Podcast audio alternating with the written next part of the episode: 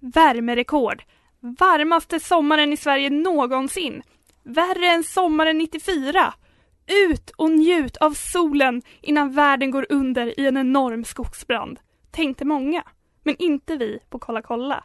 Inte ens 35 grader värme och en ständigt strålande sol har hindrat oss från att sitta och uggla framför glättiga Netflix-serier, mörka HBO-dystopier och Bergman-dokumentärer. Bleka och glåmiga träder vi nu ut ur den populärkulturella bubbla vi befunnit oss i för att delge er lyssnare de bästa filmer och serier som sommaren 2018 haft att erbjuda. Vi presenterar för andra gången någonsin er kompass i film och tv-seriedjungeln. Kolla kolla! We were on a break! You talking to me? Then who the hell else are you talking to? Talking to me? Pretty, pretty, pretty, pretty, pretty good. You had me at hello. Hello. Ah, as if. It's as if I've taken love heroin and now I can't ever have it again. Kolla kolla i Studentradion 98,9. Välkomna till Kolla kolla! Välkomna! I studion, jag, Klara Dahlgren. Och jag, Erik Wallmark. Det känns skönt att vara tillbaka, eller vad, vad, vad säger du? Ja, det, det har varit ett långt sommarlov. Verkligen. Det känns skönt med lite höst. Verkligen, och vi har konsumerat mycket populärkultur, ska sägas. Och vi är redo att anta oss hösten. Ja, verkligen. Ja, eller har du kollat mycket? Jag har kollat mycket, jag hoppas du också har det. Ja, absolut. Det har nästan känns lite... Alltså, det är ju svårt att sitta inne och kolla på film och serier när det är så soligt och varmt ute. Det är svårt att liksom berättiga det, berättiga det för sig själv på något sätt. Att, så här, att nu, nu är det varmt och så sitter jag inne ändå och kollar på, på, på serier och filmer. Ja, men exakt. Men eh, vi har kämpat på. Vi har kämpat oss igenom. Och eh, vi har gjort det för er skull, lyssnarna.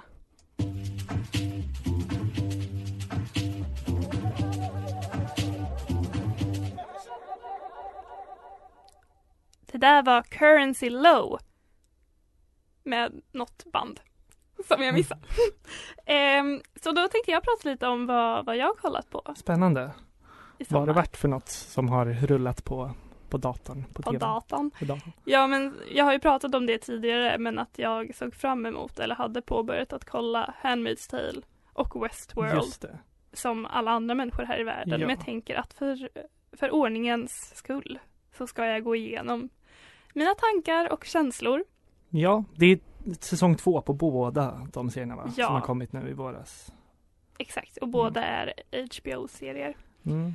Och jag tänkte börja med Handmaid's Tale som jag tyckte var, det var en sjukt bra säsong. Det var det. Var den bättre än den första skulle du säga? Alltså den första var ju Den var ju bra på så sätt att man introducerades till hela den här dystopin. Ja. Och det var, det var en så mörk värld. Och i den här andra säsongen så tänkte man djupare in och vi fick lite mer bakgrundsstory på flera karaktärer. De fick mer djup. Mm, jag förstår. Alltså kan du berätta lite om Handmaid's Tale för den som inte har, har sett eh, Handmaid's Tale? Alltså det känns som att alla har sett Handmaid's Tale. Men så, som men- jag sa, ja. det, var, det är en dystopi. Den utspelar sig ändå i någon slags nära framtid. Där en, jag tror hela USA har liksom blivit någon slags militärstat. Kan man säga av ett så en eh, kristet, av ett kristet samfund. Och där man Alltså spe- kvinnor kan typ inte längre föda barn. Och då använder man de få kvinnor som kan det som någon slags avelsdjur. Just det, de blir typ rituellt våldtagna. Exakt. Och, ja. Eh, och det jag vill säga det är att eh, som jag sa att jag tycker det var en väldigt bra säsong. Det var väldigt ofta som jag stod och skrek rätt ut för det var så starkt. Ja, jag Eh. kan se mig, se mig det fram, fram, framför mig ändå. Ja, men att det är så smärtsamt jobbigt att kolla för Ja. att det är så spännande. Det är en sån serie som liksom kan vara riktigt, riktigt alltså jobbig att se rent visuellt och liksom bara, ja, hela upplevelsen. Den är gripande. Ja. Nej men och sen tycker jag att Elisabeth Moss som spelar då June eller Offred som hon också kallas Ja. är helt otrolig skådis. Hon spelar ju också i Mad Men och redan då så kom jag ihåg att jag tyckte väldigt mycket om eh, henne. Hon spelar så, så övertygande. Ja, hon har ett väldigt starkt minspel. Hon är väldigt bra på att förmedla känslor, även i liksom minsta grad. Mm, att det. man kan se på hennes ansikte att det kanske bara rycker någonstans. Ja, och att man då förstår, nu är hon upprörd. Är inte hon scientolog också? Jo, det var också Ja. det jag kände att jag var tvungen att nämna. Ja. Att Elisabeth Moss är scientolog. Och vad säger det om någonting? Ja, men eh, det finns ju många i, i speciellt filmvärlden som är scientologer. Det känns som det är de som de liksom lockar till sig i den här Mm. kyrkan. I alla fall, väldigt bra performance av Elisabeth Moss i säsong två av Handmaid's Tale.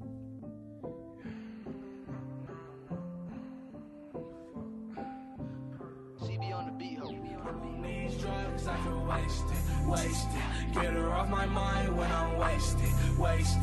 I waste all my time when I'm wasted, wasted. GTA love, bitches wasted, wasted.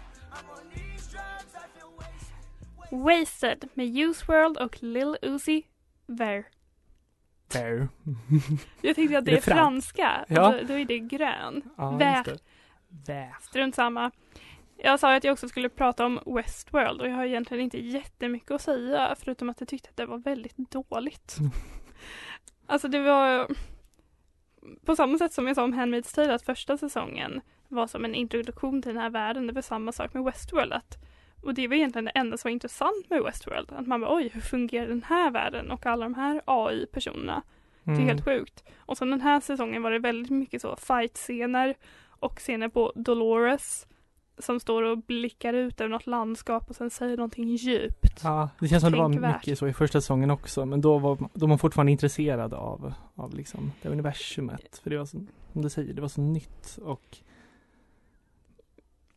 Ja men det var också den här eh, säsongen så här ska ju Dolores karaktär ha utvecklats och nu ska hon vara liksom en tuff brud.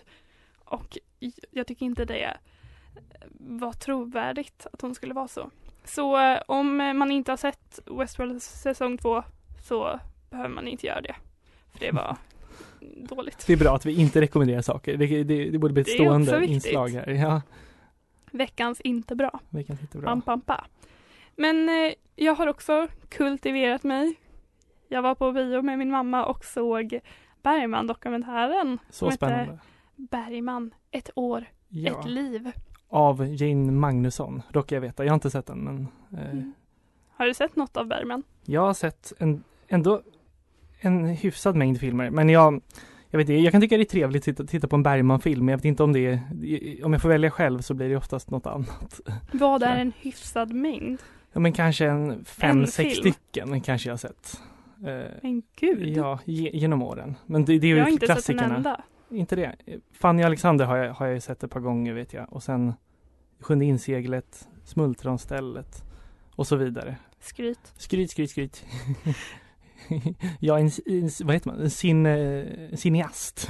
Exakt. det är inte du. Men eh, jag tycker i alla fall att eh, det var en bra introduktion till Bergman för Ja. mig som inte har sett något. Om Vad man bara det? vill eh, allmänbilda sig lite. Mm. Men det skiljer då ett år i Bergmans liv och det är då hans mest produktiva år, 1957. När han gjorde flera filmer, satte upp någon teaterpjäs, gjorde någon tv-film. Det var, det var mycket han höll på med i alla fall. Mm. Eh, Men jag gick ganska mycket dit för att jag, jag har sagt till min mamma att jag tror att Bergman är en mansgris. Och att hon inte höll med. Och jag sant? ville då få bevis för att han var en mansgris. Mm. Och jag håller fast vid det. Ja, Till exempel att han, han eh, säger så här, ja jag vet ju inte när mina barn är födda. Och vid ett tillfälle så säger han också att han har typ fem barn fast han har sex. Ja. Eller sånt där. Han glömmer bort hur många barn han har. Men eh, det var en bra introduktion till Bergman. Gå och se den om du vill lära dig lite mer.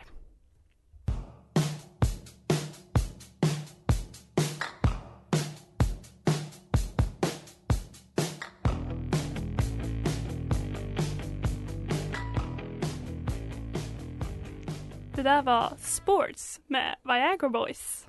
ja. Vad har du kollat på i sommar Erik?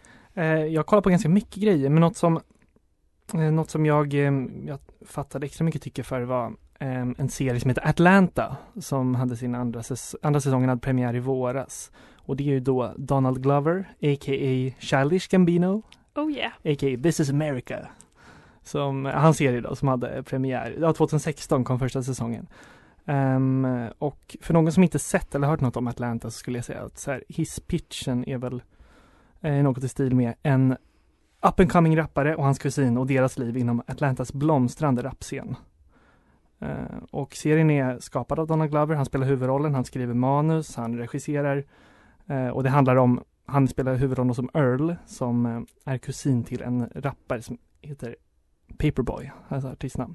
Och han får en stor hit eh, och vi får följa hur Earls liv påverkas av detta. Han, har- han har en eh, on and off girlfriend on and off girlfriend som, eh, och eh, som har gemensamma gemensamt barn med då som eh, vi får följa. Och eh, vad som är så bra med Atlanta tycker jag är att de blandar komedi och drama eh, och även liksom någon slags socialrealistisk tänk och en kritik mot rasism med allting. Det blir så himla, det är så himla många nivåer, dimensioner. Eh, Är den intressant för en person som inte tycker om hippity-hop? Ja, men jag menar, jag är ju verkligen inte en person som, som tycker om hiphop och jag, jag Va? eh, tror det eller ej. Men jag, jag var väldigt liksom eh, tveksam till en början om jag skulle tycka om serien, men det var någonting som fattade tag i mig direkt. Och jag vet inte, det känns som att det är, det känns som att det är um, någonting, det är så hypnotiskt hur liksom dialogen och alla karaktärer, den är konstig och den är Eh, och den är tänkvärd och den är rolig, den är allt på samma gång. Eh, jag är liksom i grunden väldigt svag för de här dramakomedier, eller dramedies, som är uttryck jag gillar att använda.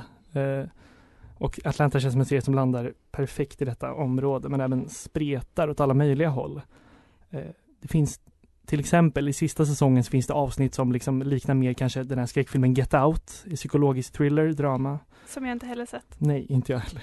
Men eh, det är liksom, det är ett avsnitt som kan vara det, sen kan ett avsnitt vara liksom en sitcom, sitcom-avsnitt där de liksom är i, ja men en sån ball-episod, alla är i samma rum och det liksom bara händer, händer knäppa grejer.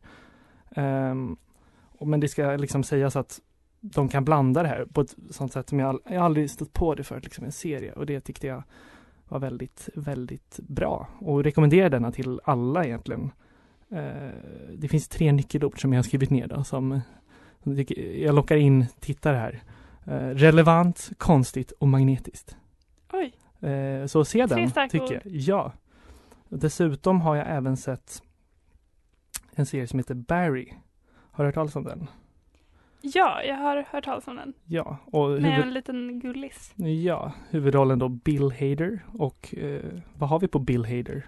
Han har varit med i SNL, Ja, gjort väldigt många sketcher där. Han har ju också figurerat i en del filmer men har haft biroller mest. men verkligen, han, han har precis en sån, kanske att han är med som en liten sån character actor, typ att han har en liten sån excentrisk karaktär han spelar i typ en Judd Apatow-komedi eller så. Mm, han, var inte han med i Supersugen? Jo, han spelar en av En poliserna. polis som, som med- säger Have you been drinking drugs? Exakt, ja.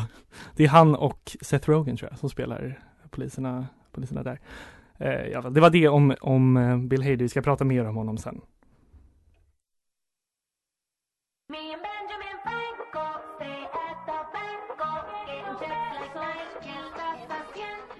Dinero med Jennifer Lopez, Cardi B och DJ Khaled.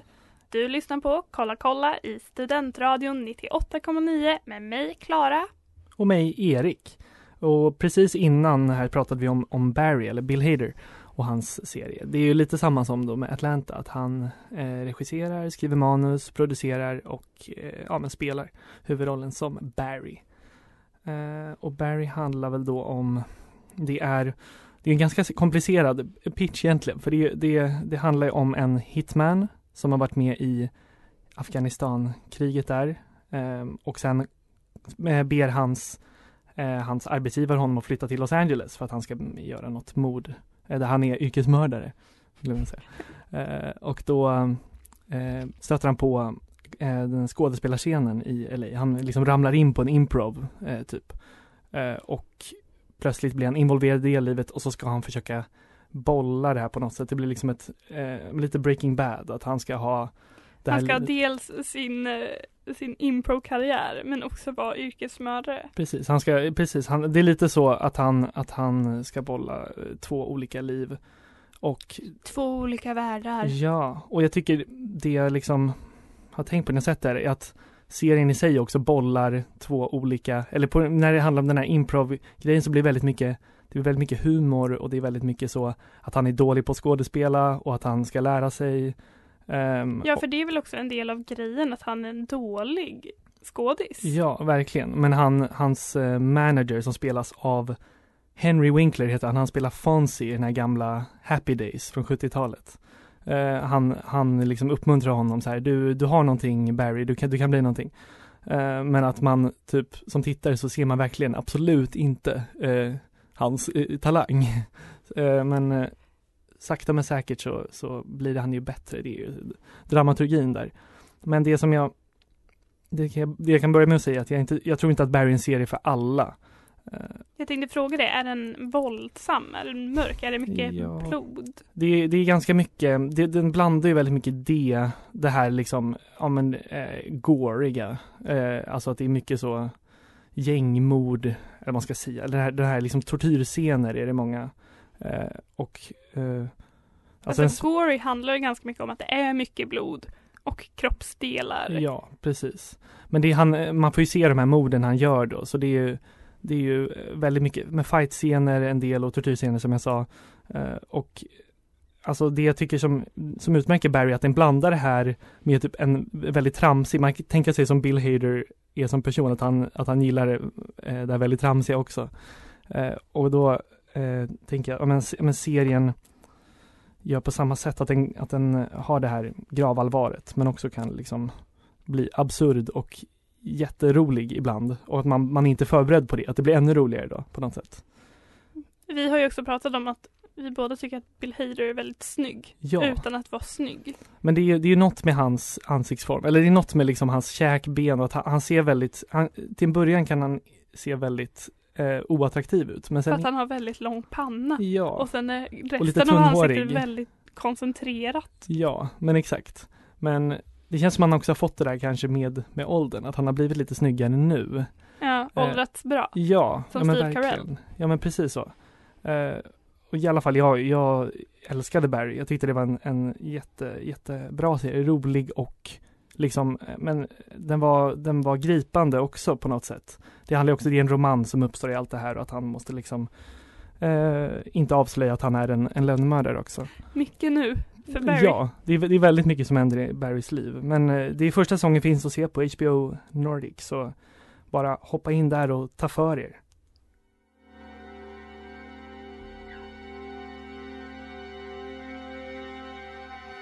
I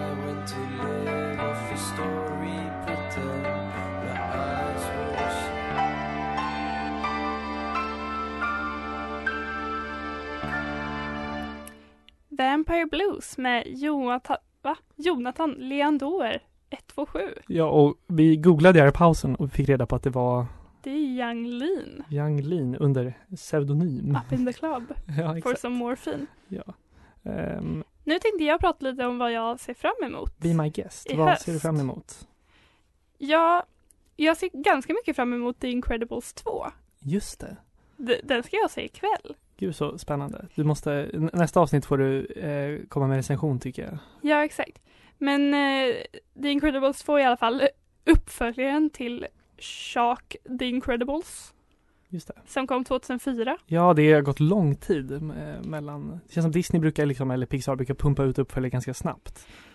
Ja, det kanske de gör. Jag vet inte, de Mm. är, men de är ju lite i reboot-träsket de. Verkligen. Men eh, det är ju en sån typisk film som jag tror ganska många hade hemma på DVD eller VHS som jag hade. Har sett Ja. väldigt många gånger.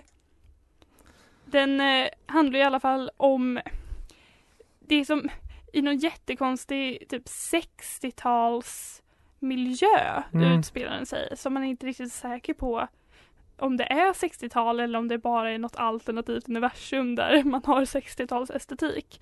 Men den handlar i alla fall om Incredible, så det är då människor med övernaturliga krafter och vi följer en familj som där vi har pappan, Mr Incredible, mamman, Elastigirl Last Girl, just som har väldigt, hon kan sträcka ut sin, alla sina lemmar. Mm, kan bli hur långa som helst, kan gå runt hörn och liksom, det är väl så här. Ja, hon kan också göra så att hon blir som en ballong. Alltså hon Ja. kan, eller ja, det, hon kan göra mycket. Och sen så Mm, har vi deras tre barn som heter Dash, Violet och Jack Jack.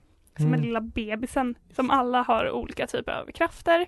Och i första filmen så är det lite om hur de, då har de här Incredibles inte fått visa sig för samhället har liksom förskjutit dem till sidan så de måste gömma sig. Men sen nu i uppföljaren verkar det som att Elastigirl har fått ett nytt jobb som superhjälte och att Mr Incredible då ska vara hemmapappa. Jaha. Och vad händer då om det är en man som ska ta hand om hemmet? Det känns blir väldigt ju woke. kaos. Ja men exakt, det går ju att ifrågasätta, är det här en aktuell fråga eller är det här någon slags 60-tals Mm. röd strumpe? Ja men verkligen. Jag hade ingen koll på att den, att den utspelade sig på 60-talet. Men var det så i Alltså, första filmen också? Som sagt, det är ju inte säkert att den, den utspelar sig ju kanske inte på Nej. 60-talet. Men det är en slags 60-tals estetik. Så då, Ja, jag förstår. som jag sa, är Mm. det 60-talet eller är det bara ett alternativt universum? Det vet man ju Mm. inte riktigt. Men den ska jag i alla fall se ikväll och det ska bli väldigt mysigt och jag hoppas den är bra.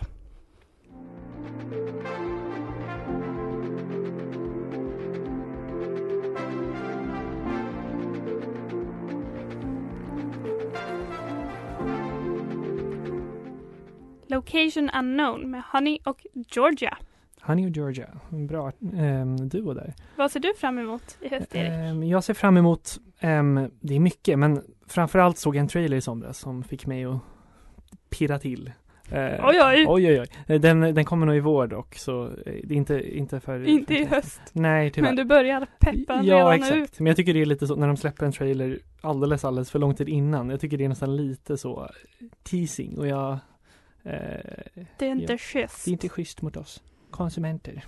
Eh, Vad är heter, det för trailer? Den heter Boy Erased. Jag såg den faktiskt häromdagen. Ja, Dök upp på Youtube. verkligen. Men den, den verkar hemsk och sorglig men också, den känns som en sån typisk Oscar-materialfilm. Det handlar om en, en, en pojke som är en katolsk, eh, han är en katolsk familj eh, och han kommer ut som homosexuell och man får typ följa hur han, familjen och han hanterar det här och, och så blir han kär i någon, någon en kille som spelas av Troy Sivan, singer-songwriter typ.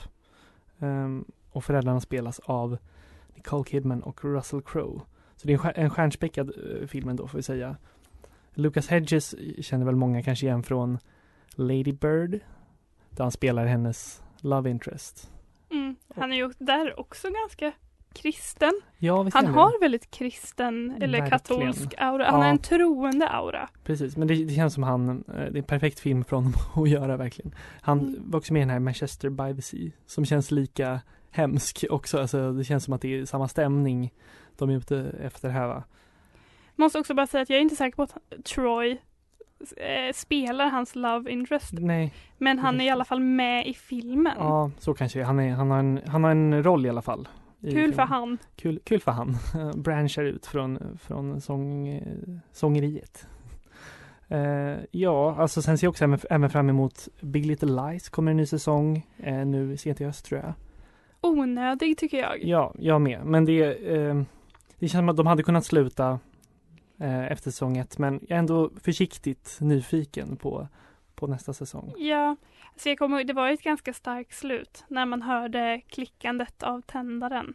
Ja, exakt. Och det var inte alla som uppfattade det, kommer jag ihåg. Jag tror att vad du berättade för mig och att jag bara, aha. Ja. Alltså det är i alla fall, det är en polis som har som tics att hon eh, klickar med sin tändare. Och eh, då hör man det i slutet av eh, säsong ett. Just det, ja men det känns ändå, då kunde de haka på med en, en till säsong där. Men vi får se hur det blir, helt enkelt.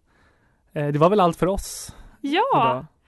Det här var vårt andra avsnitt. Ja, Det var kul. Det var väldigt roligt. Vi ser fram emot nästa vecka. Eh, Vi ser fram emot hela hösten. ja, det ska bli så roligt. Mycket, mycket tv och serier och film. Vi är mycket taggade.